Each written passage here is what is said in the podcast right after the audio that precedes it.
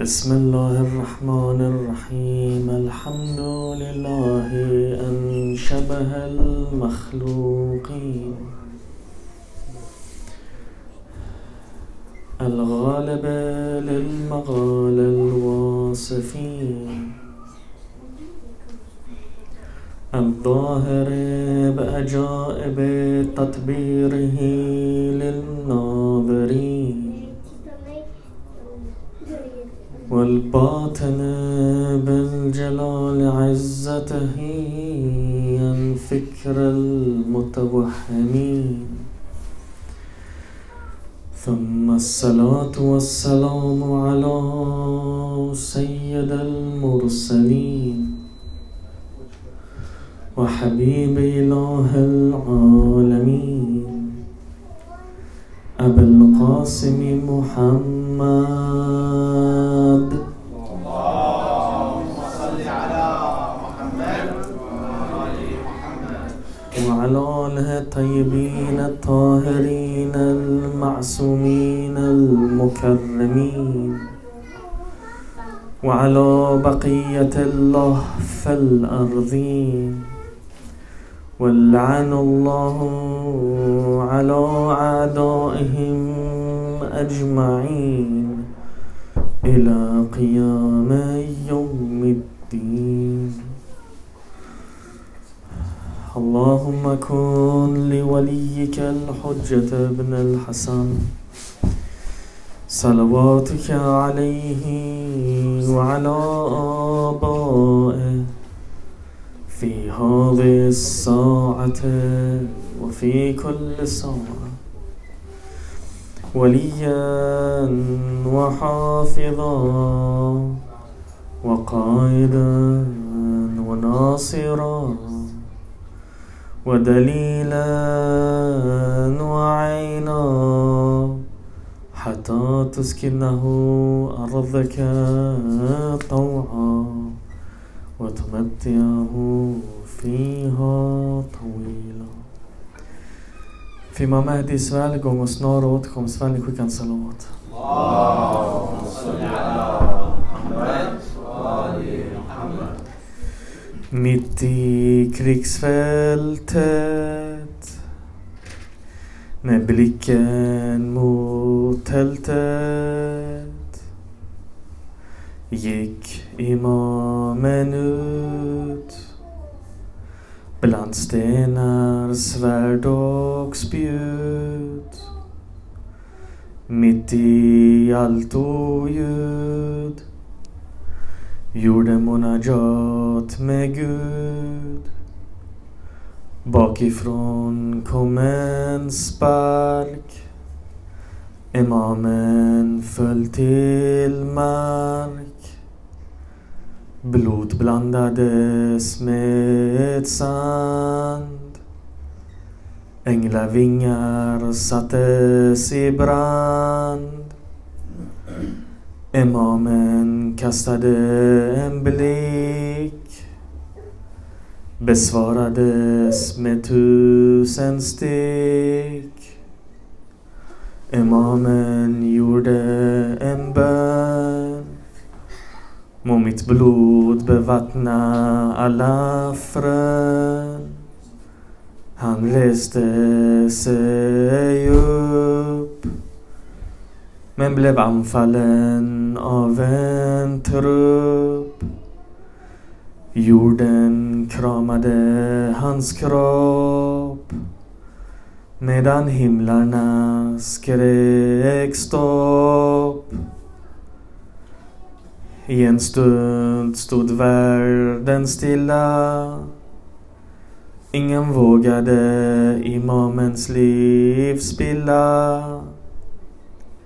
Tills Shemer satte ner sin fot Närmade sig med tusen hot Satte sig på imamens bröst Lyssnade på imamens röst.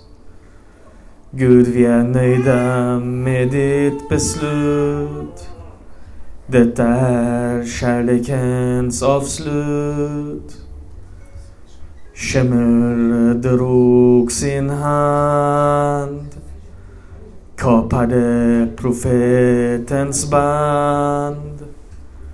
Kapade imamen från sitt land. Satte världarna i brand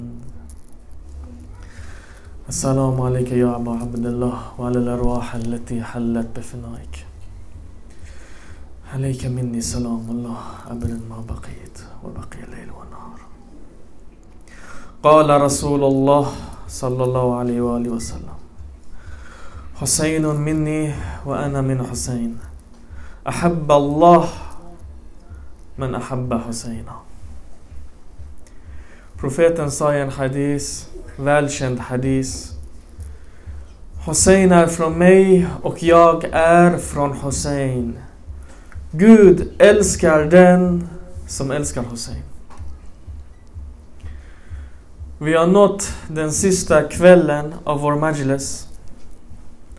Även om Ashura är på måndag, eller enligt vissa på tisdag. Så stannar vår resa här och vi skiljs åt. Och anledningen är ingen mindre än att vi som anordnar den här majlisen ska ansluta till en annan karavan, gå på ett eget läger. Och vi kommer se er i Malakut när ni ansluter till andra karavaner och vi möts hos Imam Hussein i Ashura inshallah. Vårt ämne har varit Karbalas hemligheter.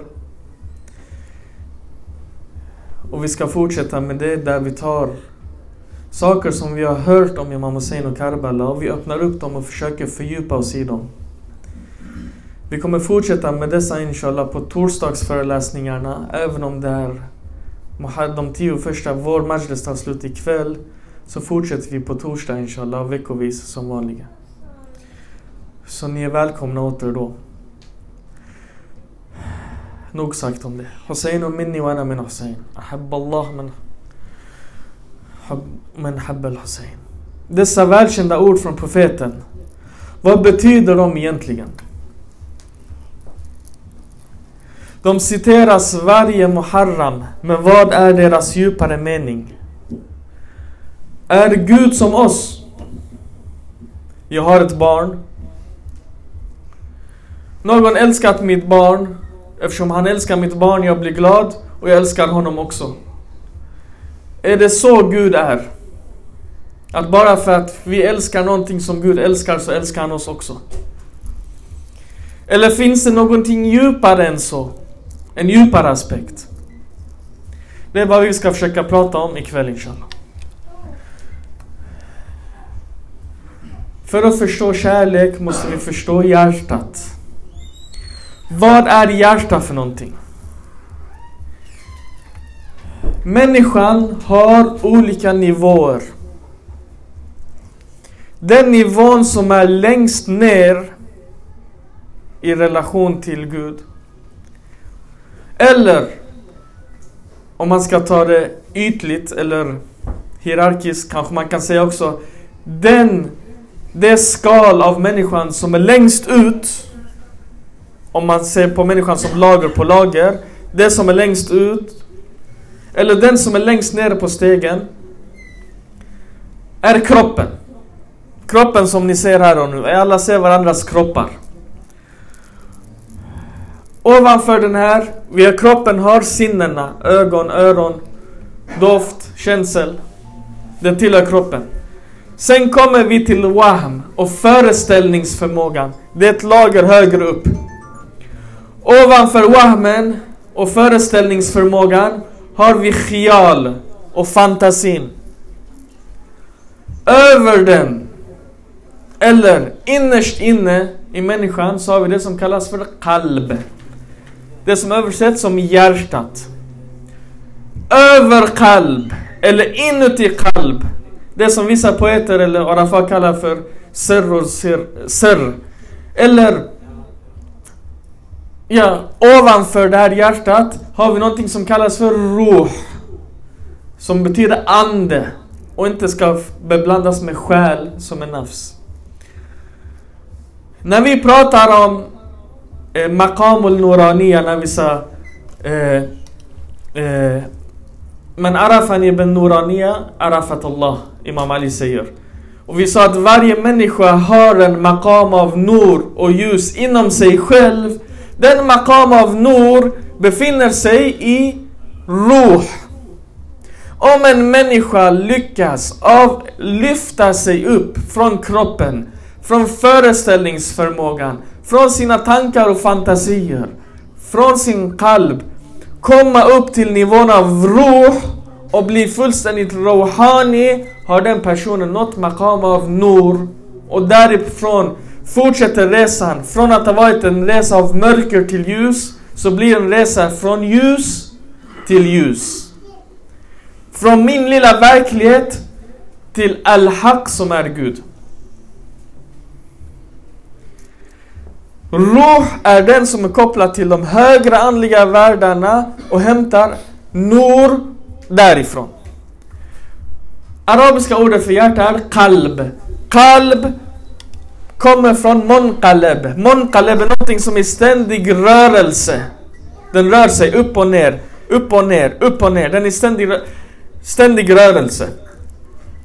Engelab kommer från samma sak. Revolution är från hjärtat. Det blir en förändring från hjärtat som eh, förändrar hela samhället. Det blir en engelab, börjar från kalb. Vad ska kalb göra för någonting? Kalbs roll, precis som den fysiska biologiska hjärtat. Vad gör hjärtat? Den har två eller fyra eh, vener. Den tar blod, skickar upp, eh, skick, eh, tar syrefattigt blod, skickar ut färskt blod. Den jobbar med de här venerna upp och ner, de här kamrarna och dörrarna och de här medicinska termerna som finns. På samma sätt har hjärtat en, ett friskt hjärta har en kommunikation med roh. Där den vänder sig upp till ruh, får nur och ljus från ruh som ruh från, från, från, får från de högre världarna.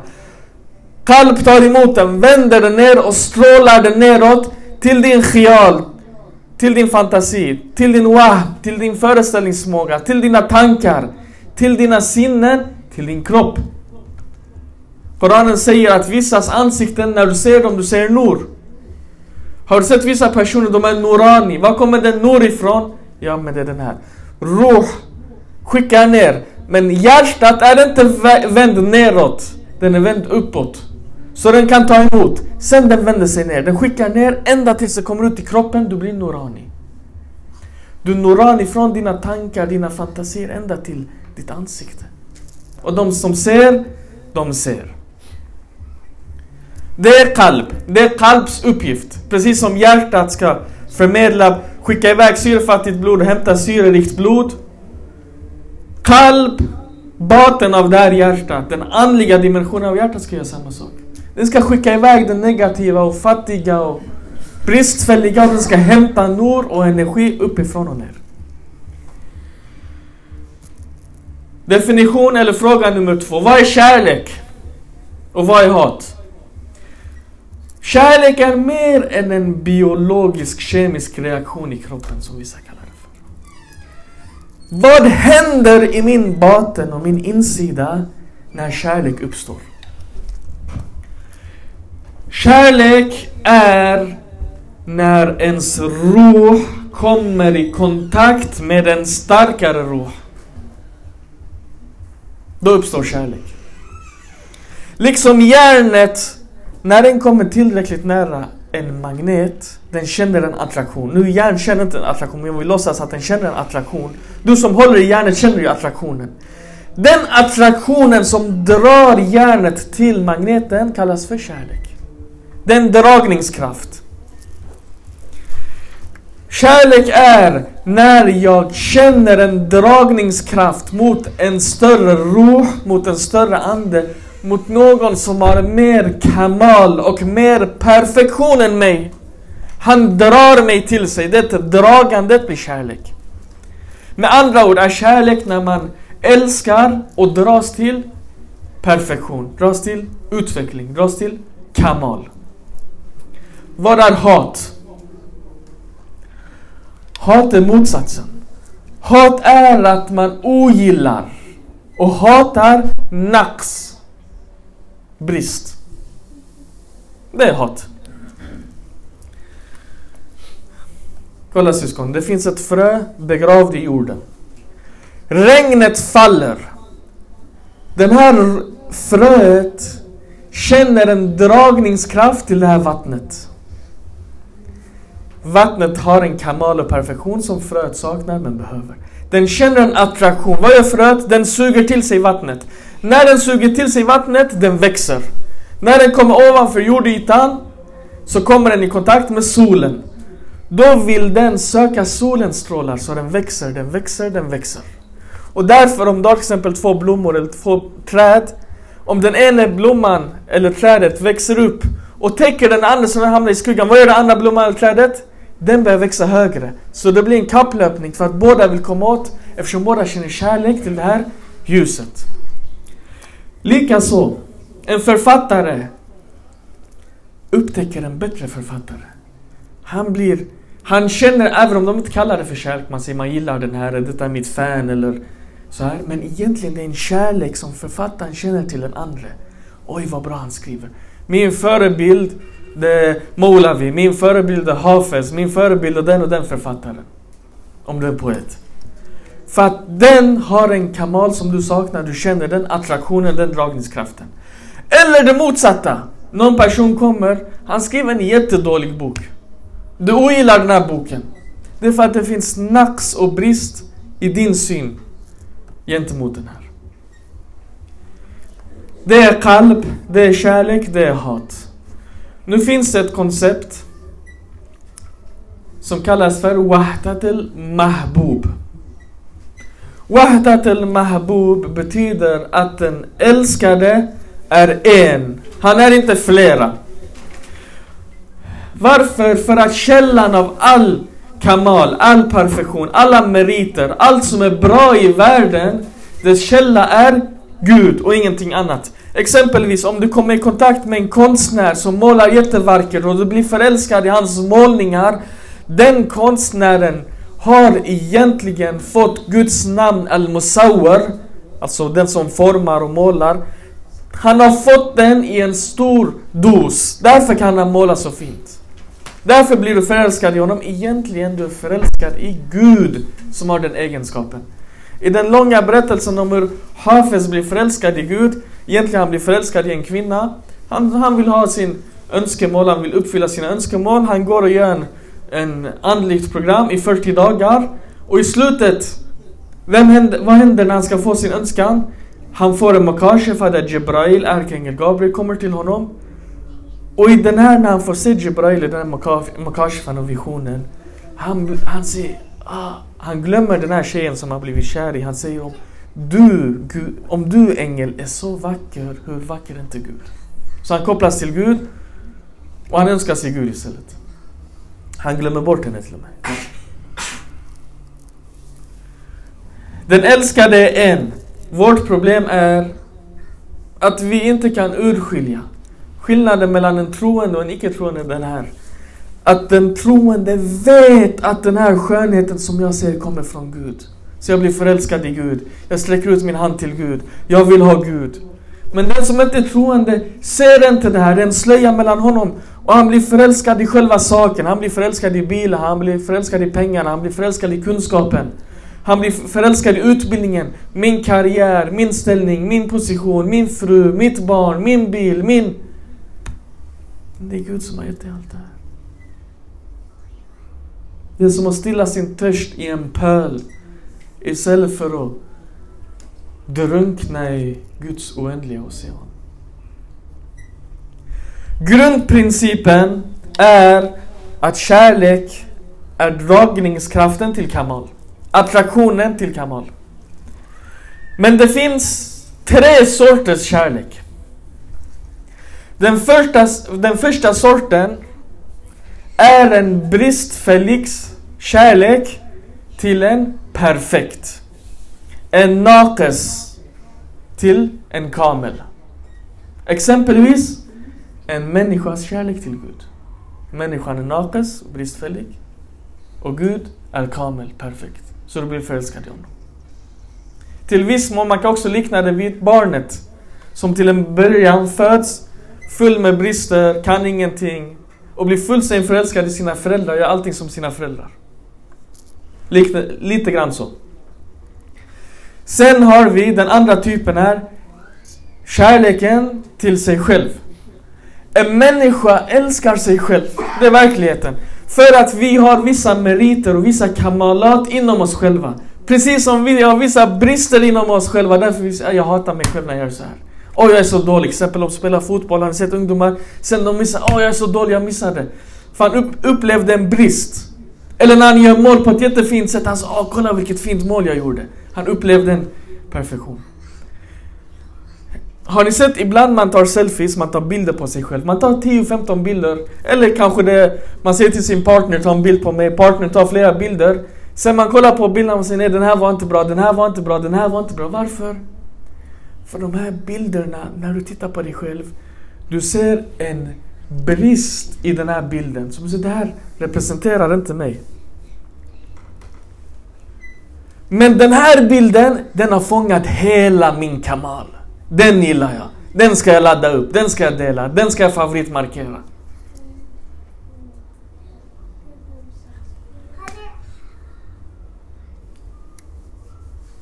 Sen har vi kärleken till andra, den tredje kategorin. Människan älskar andra. Varför? För att människan ser kamalat hos andra. Till och med, till och med en konstnär kan komma och tycka att ett barns teckning är vacker. Även om det här barnet har fullt med brister, men just den teckningen som det barnet visade, han visade upp en sorts kamal och perfektion som är sällsynt. Så konstnären kan säga att den här teckningen, den var fin. Han tycker om den. Så grunden är att människan känner kärlek till kamal, men det finns tre olika sorter. Gud har inte den första sorten. Eftersom Gud inte har någon brist har han inte den bristfälliges kärlek till en perfekt. Men Gud har de andra två. Gud älskar sig själv. Och Gud är mest radig och nöjd med sig själv av allt annat. För att det finns ingen brist hos han som han ska vara missnöjd med. Och därför, vad säger Gud när han skapade? Han säger Fatabarakallah ahsanul khaliqin. Gud själv säger Alhamdulillahi Rabbil Alamin. Han säger till profeten Qul huwa Allahu ahad. Men surafat han säger Alhamdulillahi Rabbil Alamin. Det är Gud som prisar sig själv. Jag är nöjd med för det finns ingen naqs hos mig, ingen brist, ingenting. Han älskar sig själv. Och Gud har den tredje kategorin. Han älskar andra även om de är under honom med ett villkor. Han älskar dem mer ju mer kamal och perfektion de har. Ju mer de har, ju mer älskar han dem. Liksom en lärare som har, eller en tränare som har massor med elever. Men den eleven, han är speciell. Han har uppvisat talanger som ingen annan har. Han gillar honom mer, lägger mer tid på honom, kör honom, hämtar honom. Speciell relation. Om ni kollar i Koranen, det finns många verser som pratar om Inna Allah yuhib. Sannerligen älskar Gud. Exempelvis Muhsinin, de som gör gott. Tawabin, de som ångrar sig. Mutaharin, de som renar sig själva. Muttaqin, de som är gudsmedvetna. Saberin, de som har tålamod. Mutawakkilin, de som litar på honom. Muqsitin, de som eh, är rättvisa. Yuqatiluna fi sabili. De som krigar för hans skull. Dessa kategorier på Inna Allah yuhib. Till exempel mutawakili. Sen har vi verser där Gud säger Inna Allah la yuhib. Gud älskar inte. Inna Allah la yuhib mu'tadin. De som överträder. Kafirin, förnekarna. Eh, Dalimin, de som förtrycker. Mufsidin, de som korrumperar. Kha'inin, de som är förrädare. Detta är exempel på de som Gud inte älskar, som han nämner i Koranen. Det vill säga deras brister är så heltäckande att de befinner sig i utkanten av Guds atmosfär. Där det i princip inte finns någon dragningskraft längre. De är precis där i utkanten. In Allah, la. Det finns ingen kärleksattraktion längre. Det finns ingen dragningskraft så Gud älskar inte. Imam Sajjad alayhi salam i sin Sahifa Sajjadiya. I den första duan där han prisar och tackar Gud. I de första fraserna, fras 3 och 4 av den här duan. Han säger först att Gud frambringade skapelsen och uppfann den med sin vilja. Och sen han säger ثم سألك بهم طريق إرادته وبعثهم في سبيل محبته Därefter förde han dem på vägen av sin vilja och bringade dem på kärlekens stig. Om ni minns vår första för, föreläsning. Vi pratade om Kanzul Makhfi där Gud sa Anna Kanzul Makhfi Fahbabta. Jag var en dold skatt så jag älskade att bli känd så jag skapade skapelse. Här Imam Sajjad säger han för, efter han skapade dem enligt sin vilja, han förde dem på kärlekens stig mot honom. Det betyder att grunden för hela skapelsen, hela rörelsekraften, hela vägen till Gud är en väg av kärlek. Och det som är vackert här är också att kärleken mellan Gud och människa är dubbelriktad. Den är dubbelriktad. Å ena sidan har människan den bristfälliga kärlek till den rike. Jag är أنتم الفقراء إلى الله والله هو الغني والله هو الغني Koranen säger människor det är ni som är fattiga inför Gud och det är han som är rik. Vi har en bristfällig och ju, eftersom vi har mer brister och ju mer vi inser våra brister, det är också en sån grej att en förnekare han ser inte sina brister. En troende, han ser alla sina brister. Han, ser, han är inte fåfäng, han, är inte, han har inte ujub, han säger ah, bra, vad duktig jag Han beundrar inte sig själv. Han ser sina brister för att han ska se mer och känna mer behov av Guds välsignelser och Guds kamalat, Guds perfektioner. Å andra sidan, Gud älskar när han ser sina egenskaper i människan. Han älskar när människan är karim, rahim, kärleksfull. Alla de här egenskaperna som finns. Koranen har en jättevacker vers. Beskriver relationen mellan denna människan och denna Gud på följande sätt. Yuhibbuhum wa yuhibbuna. Gud älskar dem och de älskar Gud. Fråga. Vem är det som Gud älskar mest? Gud älskar den mest som till högsta grad reflekterar honom. Den bild som vi sa, en selfie, en spegel. Den bilden av Gud som reflekterar honom bäst, den älskar han mest. Vissa speglar de är små. Du ska ta, titta dig själv, du ser bara ögonbrynet. Vissa är rostiga, vissa är dammiga. Har ni sett ni som går på gym, de här speglarna de sätter där du ska stå och gymma.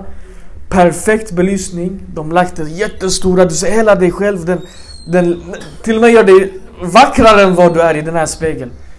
Gud älskar sådana speglar som reflekterar honom, lyser upp honom, förstorar honom. Den typen av spegel. Gud älskar den som reflekterar honom mest. I skapelsen är det, vem är det? Profeten. Hadither nämner att Guds, profetens ljus var det första som han skapade och det är det vi har sagt varje gång hittills. För profeten var den som till fullo kunde spegla och manifestera och reflektera Gud. Imam Mahdi säger i sin dag i Rajab, han säger La farqa bainaka wa bainaha illa innahum ibaduka wa khalquk. Det finns ingen skillnad på dig och dem. Förutom att de är din skapelse. Annars är det samma sak. Nu går vi tillbaka till hadisen. Vad säger hadisen från början? Profeten säger Husseinun minni och anna min Hussein. Profeten sa inte Husseinun minni ahibballah. Han sa inte Hussein är från mig. Precis som ett barn är från sin fader exempelvis. Eller Koranen säger Surah Bayyana exempel. Rasulun min Allah yubayinu. Rasul, det finns en sändebud från Gud. Han är skickad från Gud.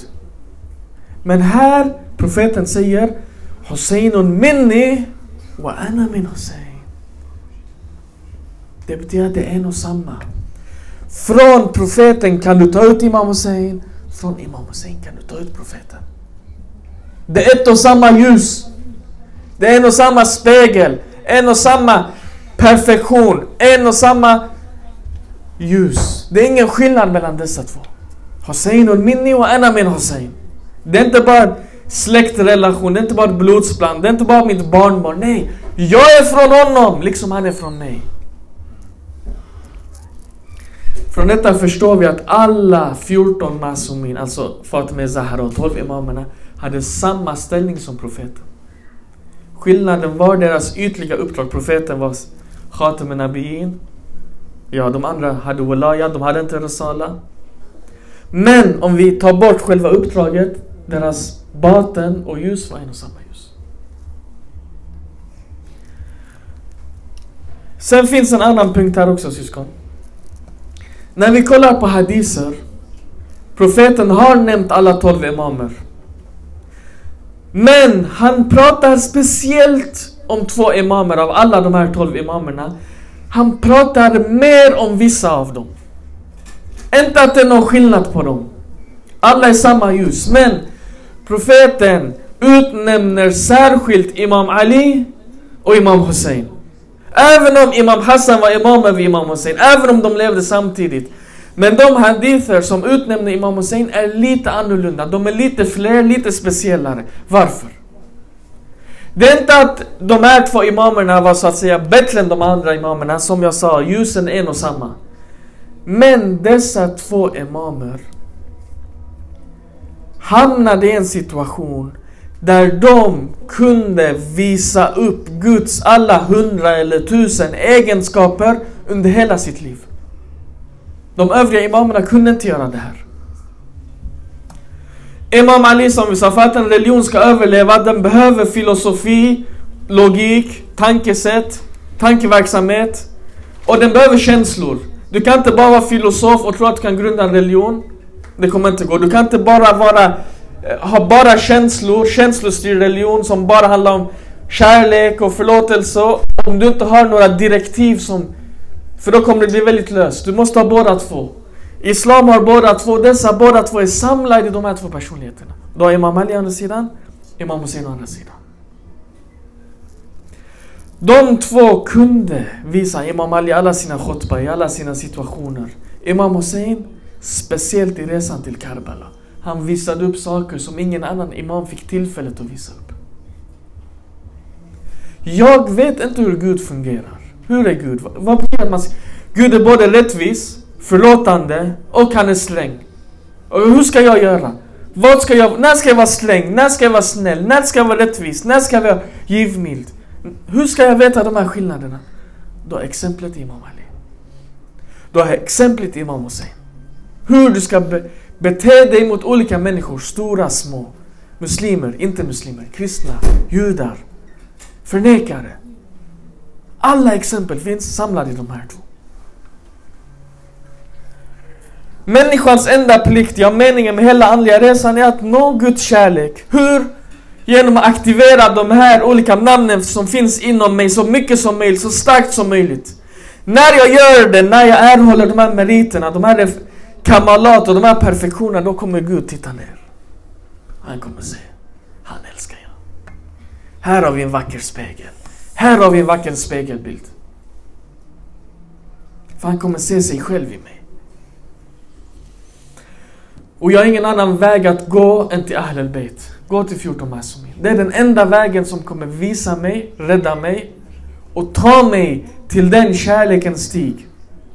När jag blir som Imam Hussein kommer Imam, Gud älska mig också. När profeten säger Ahabba Allah men Ahabba Husseina Okej, profeten är inte som oss. Det är inte som jag och mitt barn här, kom älska mitt barn. Om du älskar mitt barn, jag älskar dig. Nej, profeten han pratar inte bara från känslor. Ma yantuqa anil hawa in huwa illa wahyun yuha. Han pratar inte bara från sina egna begär och känslor. Han pratar från Gud. Så vad betyder Gud älskar den som älskar Imam Hussein? Varför? Ja, anledningen, man kan tolka den här hadisen på två sätt. Det ena sättet är att om jag älskar Imam Hussein försöker jag efterlikna honom. Liksom alla andra som har idoler och förebilder och försöker likna dem och klä sig som dem och tala som dem och gå som dem och vara som dem. Men jag älskar Imam Hussein. Jag försöker bete mig som honom. Agera som honom.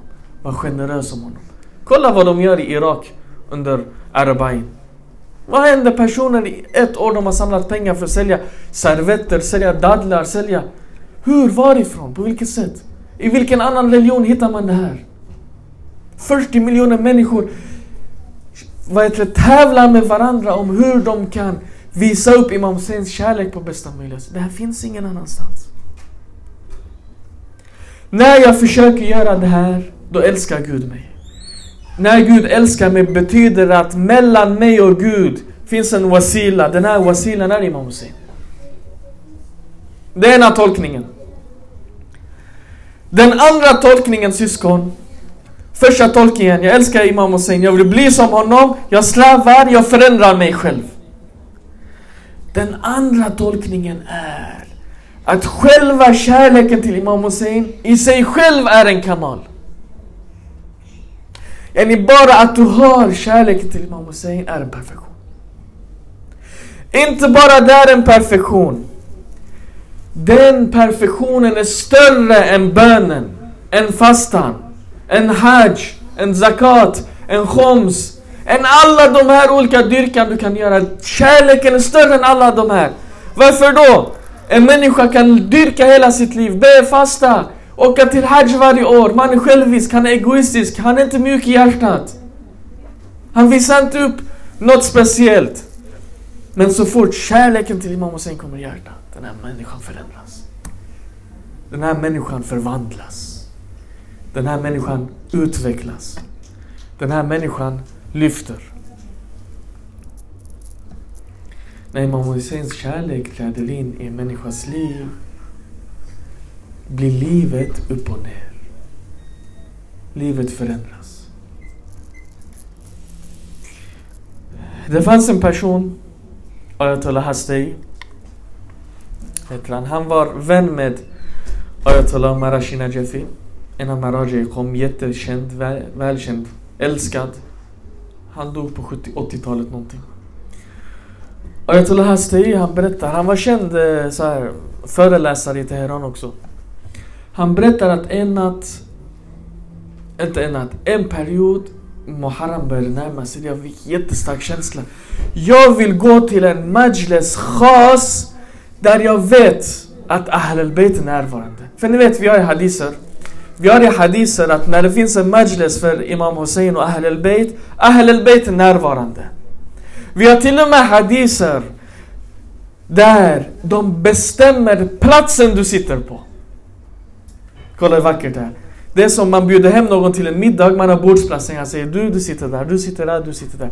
Till och med i hadisen, den här platsen som du sitter just nu på har imamen bestämt att du ska sitta här, du ska sitta här, du ska sitta här.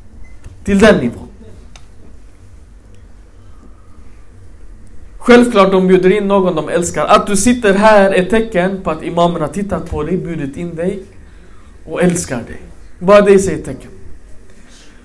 Nu han sa, jag vill gå till den här majlisen, jag vet att det är så här för alla. Men jag vill gå till den speciella majlisen som jag vet att imamen eller nu Ahle Beit har, för Fatima Zahra har också närvaro.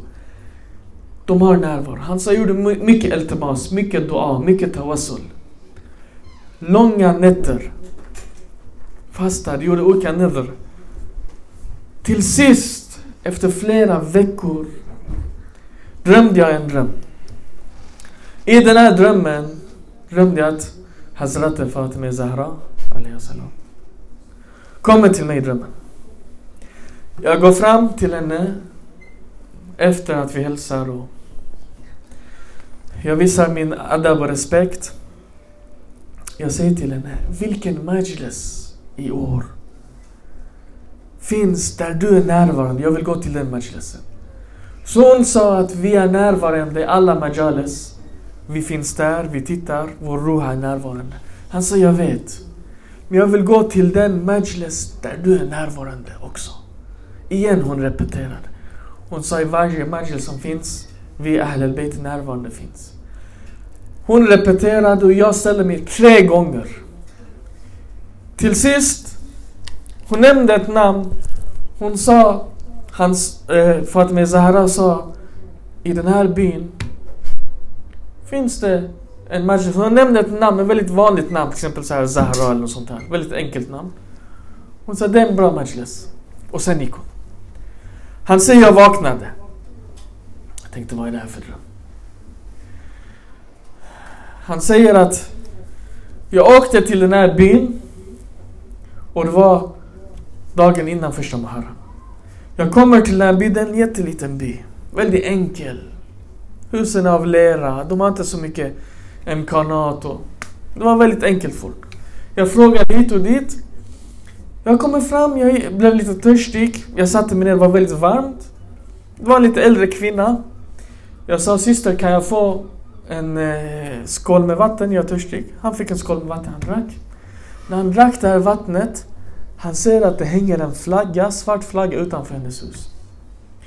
Han sa till henne, har, har ni Majlis Azza här? Hon sa, ja vi har. Han sa, vem är det som är sheikh här och kommer och föreläser och, och så vidare? Hon sa, vi har en. Han kom. Han kom igår och när han såg hur enkel byn är, hur enkel mitt hus är, han tackade för sig själv och han gick tillbaka. Han lämnade återbud. Han tänkte väl att det kommer inte så många människor. Så vi har ingen som ska recitera för oss. Så Sheikh Hastian sa Får jag läsa här? Hon sa varsågod, vi blir glada om du läser. Kvällen kom, han gick dit, han satte sig på en enkel stol det var inte många, kanske 20, 30, 40 kvinnor som närvarade och några så här småbarn.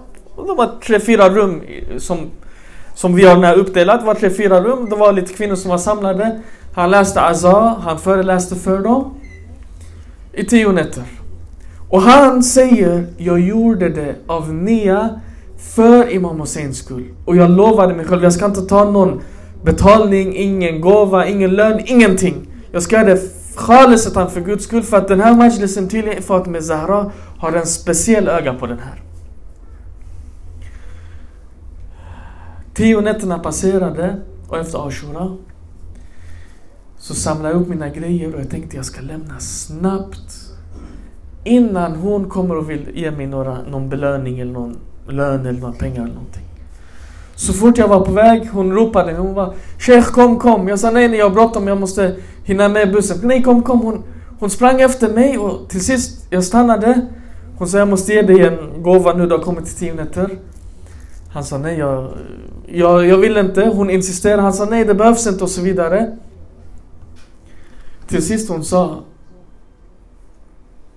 Accepterar du inte mina pengar? Han sa nej, det är inte alls så här. Jag bara kände jag vill göra det för Guds skull. Hon sa, vet du vad jag har gjort för någonting för de här pengarna? Hon sa, jag under hela året jag har gått och varit en khadem och betjänt hemma hos andra.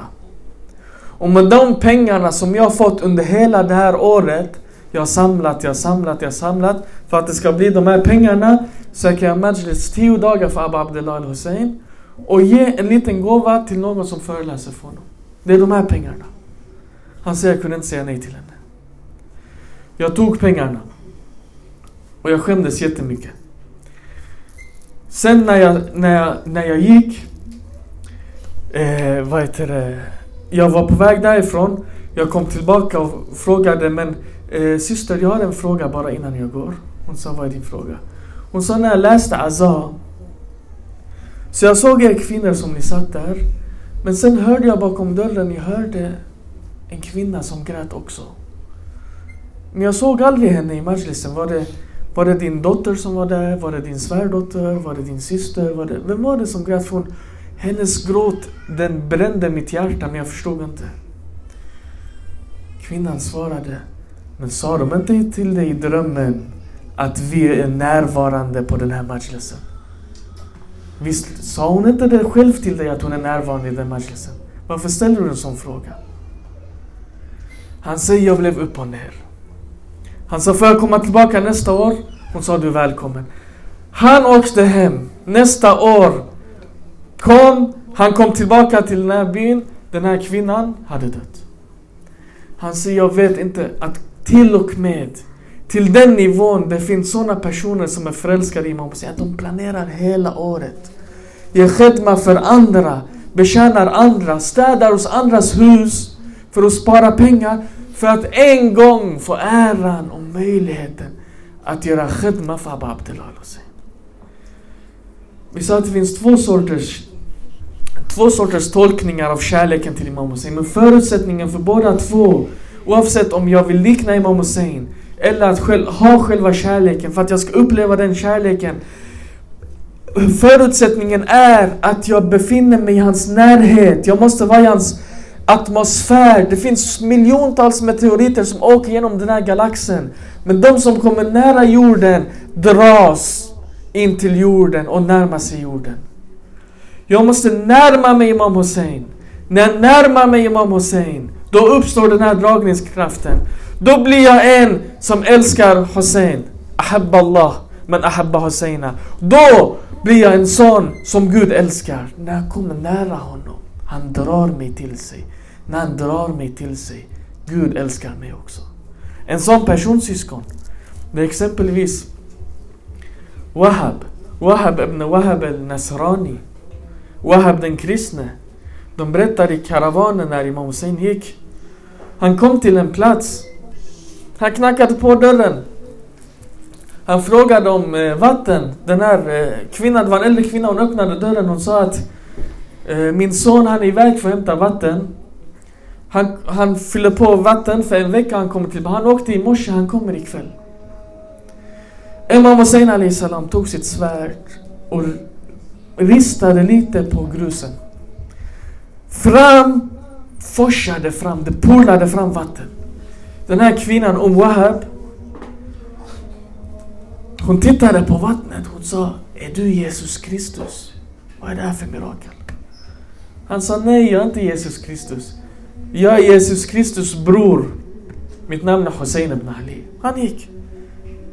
Umm Wahab kom på kvällen. När han kom på kvällen och såg att vattnet porlade fortfarande utanför deras hus. Han frågade sin mor, han sa min mor, har Jesus Kristus varit här? Modern berättade nej, det var en person, han gjorde så här. Han sa hans namn Hussein ibn Ali. Wahab var nyft. Han sa till sin fru, sin mamma, han sa packa upp era väskor. Vi måste gå direkt. Kolla så förberedd.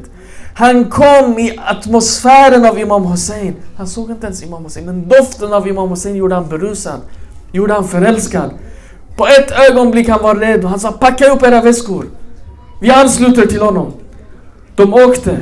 De anslöt till Imam Husseins karavan. De hade ett privatsamtal med Imam Hussein salam. I det här privatsamtalet, de konverterade till Islam. På Ashura-dagen, när Wahab skulle gå ut och eh, kriga, han tog på sig sin hjälm, sina kläder. När han gick ut för att slida, hans mamma säger till hans brudgum, till sin, svär, till sin svärdotter, hon, hon säger Kan du tänka dig att det här är din man?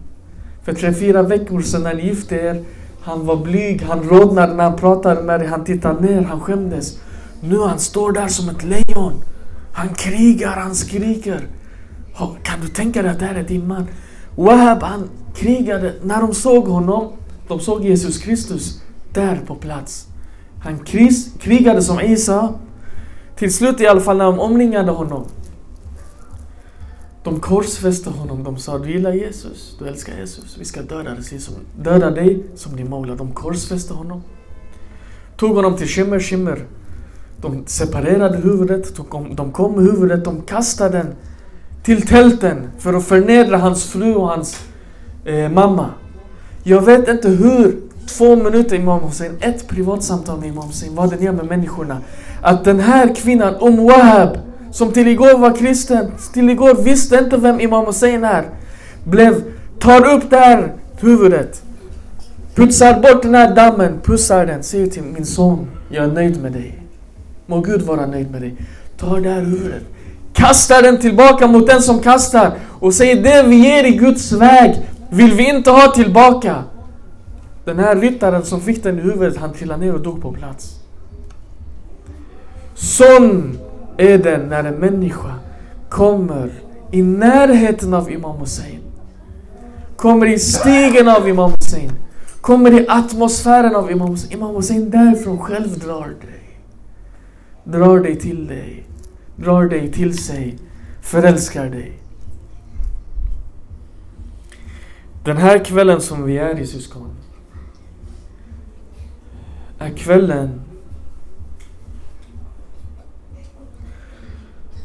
tillägnad Ali Akbar. Stunden var kommen där alla ashab hade störtat.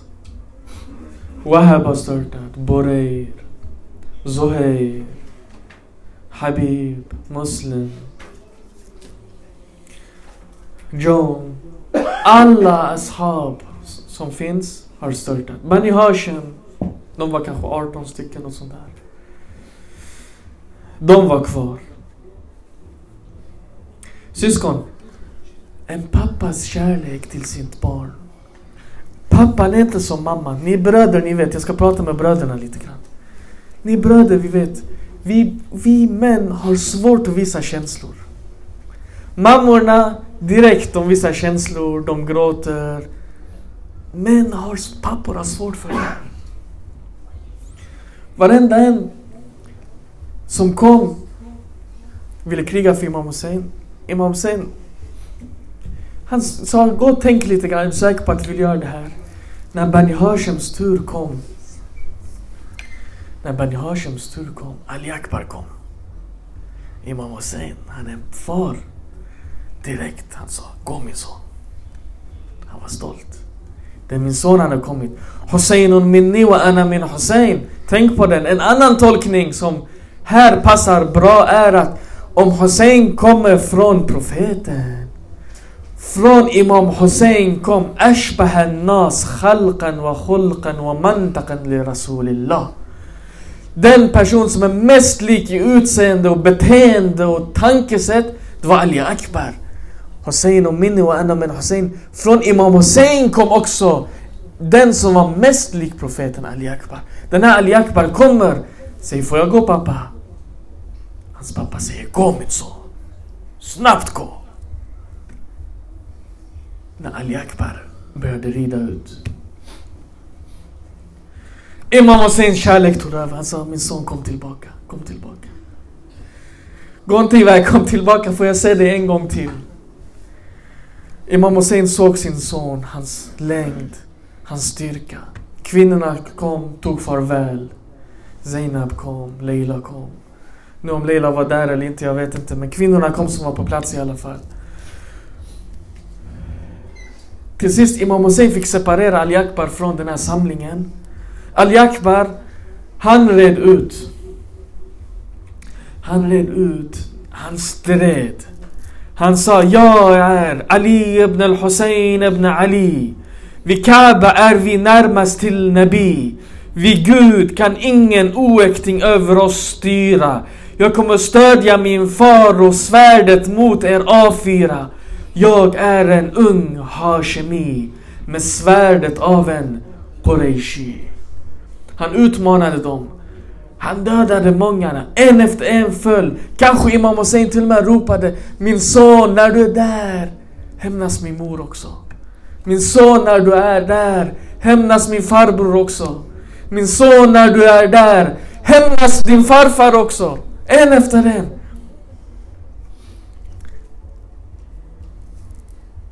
Rustningen är tung. Solen är varm. Fienderna är många. al Akbar kommer tillbaka. Han säger min far, törsten och solen och rustningen har gjort min kropp svag. Jag kan inte kriga så som en jihad i din väg förtjänar att krigas. Där han pekade på kroppen. Kanske han pekade på själen också, för Imam Husseins svar var en Rouhani svar. Imam Hussein sa, jag är törstigare än dig. Han visade sin mun till sin son. Han sa, min mun är torrare än din mun. Jag är törstigare än dig. Kanske de pratade med varandra och säger att vi är båda törstiga efter Guds kärlek. Al-Jakbar red ut igen. Han red ut igen. När han kom till fienden, han krigade tappert. Men han omringades av fienden. De hade spjut, de hade pilar, de hade svärd. De började stena honom, skjuta pilar. De som hade pilbågar, de sköt med pilbågar. De som hade pilar kastade pilar. Och ni vet hästarna på den tiden, de var tränade på det sättet att när soldaten tar tag i halsen Krigshästar som är duktiga, de rider tillbaka till, till tälten, till basen, återvänder hem för att rädda den här soldaten.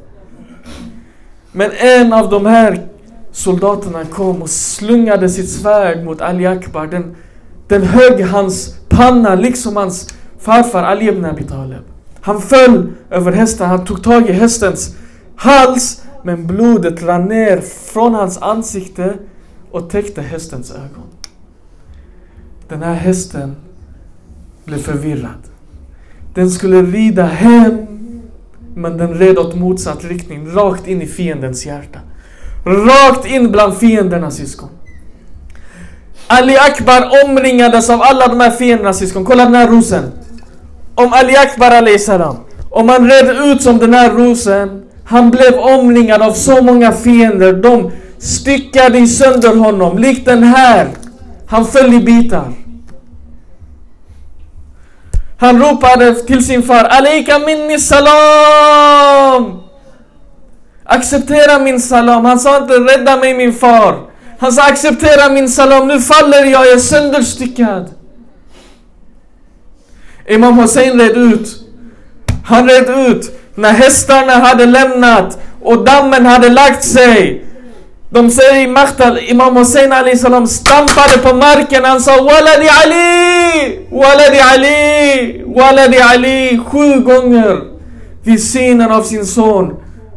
Sönderstyckad. Fallen på marken i delar. En av de få platser där Zainab också sprang ut till en kropp var på den här platsen. Zainab sprang ut. Bani Hashems ungdomar sprang ut. När en kropp stupar, Imam Hussein gick med en ashab. Två personer, de bar den kroppen. Nu de kom jättemånga, de visste inte hur ska vi samla ihop den här kroppen. Vad ska vi göra för någonting?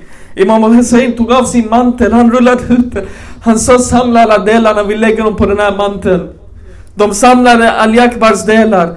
Imam Hussein böjde sig ner tre gånger. Han pussade och la kinden på Ali Akbars kropp. De säger ziyara, de frågar Imam Sadiq liksom, hur ska vi göra ziyara av Imam Hussein? Imam Sadiq han berättar först du går, du gör den här duan, du gör esne Dukhul, du går till Zareh, du gör den Sen du går till foten av Zareh. För det där Imam Ali Akbar Där Ali Akbar är begravd med sin far vid fötterna. Du går dit vid foten tre gånger, du pussar och du lägger kinden mot. För det var så Imam Hussein gjorde när han sprang över sin sons kropp. De samlade ihop kroppsdelarna i den här manteln. Och kom hem. على لعنة الله على قوم الظالمين السلام عليك يا أبا عبد الله وعلى الأرواح التي حلت بفنائك عليكم مني سلام الله أبدا ما بقيت وبقي الليل والنهار ولا جعل له آخر العهد من لسانك السلام على الحسين وعلى علي ابن الحسين وعلى أولاد الحسين وعلى أصحاب الحسين. اللهم إني أسألك وندعوك باسمك العظيم الأعظم الأجل الأكرم. Vi ber dig Gud, vid Imam Husseins sönderstyckade son, vid Babul Hussein som Ali Akbar kallas. Den som vill något, detta har jag testat själv syskon. En haram. När jag ville uppnå en station. Jag gjorde en speciell amal för Ali Akbar och dörren öppnades. För han kallas Babul Hussein. Testa den om du har ett önskemål. Du har någonting du vill uppnå. Koppla dig till Ali Akbar. Ali Akbar kommer öppna dig till Imam Hussein. Imam Hussein är vägen till Gud. Vi ber dig vid Babul Hussein. Ali Akbar. Att du påskyndar Imamens återkomst. Att räknar oss bland de som hämnas Imam Husseins blod bredvid Imam al-Mahdi Ajalallah Ta'ala. Att du gör oss till den som liknar mest dina profeter i vårt beteende, vårt uppförande, vår kärlek, vårt tankesätt, vårt utseende, sättet vi beter oss, sättet vi går på, sättet vi talar på. Att vi följer, vi efterliknar dina älskade så vi blir dina älskade. Må Gud vägleda alla som är vilseledda. Ta hem alla de som är borta. Läk alla de som är sjuka. Skydda våra barn från alla de, dessa faror som finns i den här världen. Skydda oss från all seher och onda ögon och onda krafter och jinn och shayatin och viskningar och allt som har med Al Ziyad och Al Marwan och Beni Umayya och hela den här armén av shaitan gör oss starka mot dem i ytan och på insidan, i zahir och i baten, i kroppen och själen. Allahumma ajjal li walika al-faraj. والحمد لله رب العالمين والسلام عليكم ورحمة الله وبركاته. اللهم صل على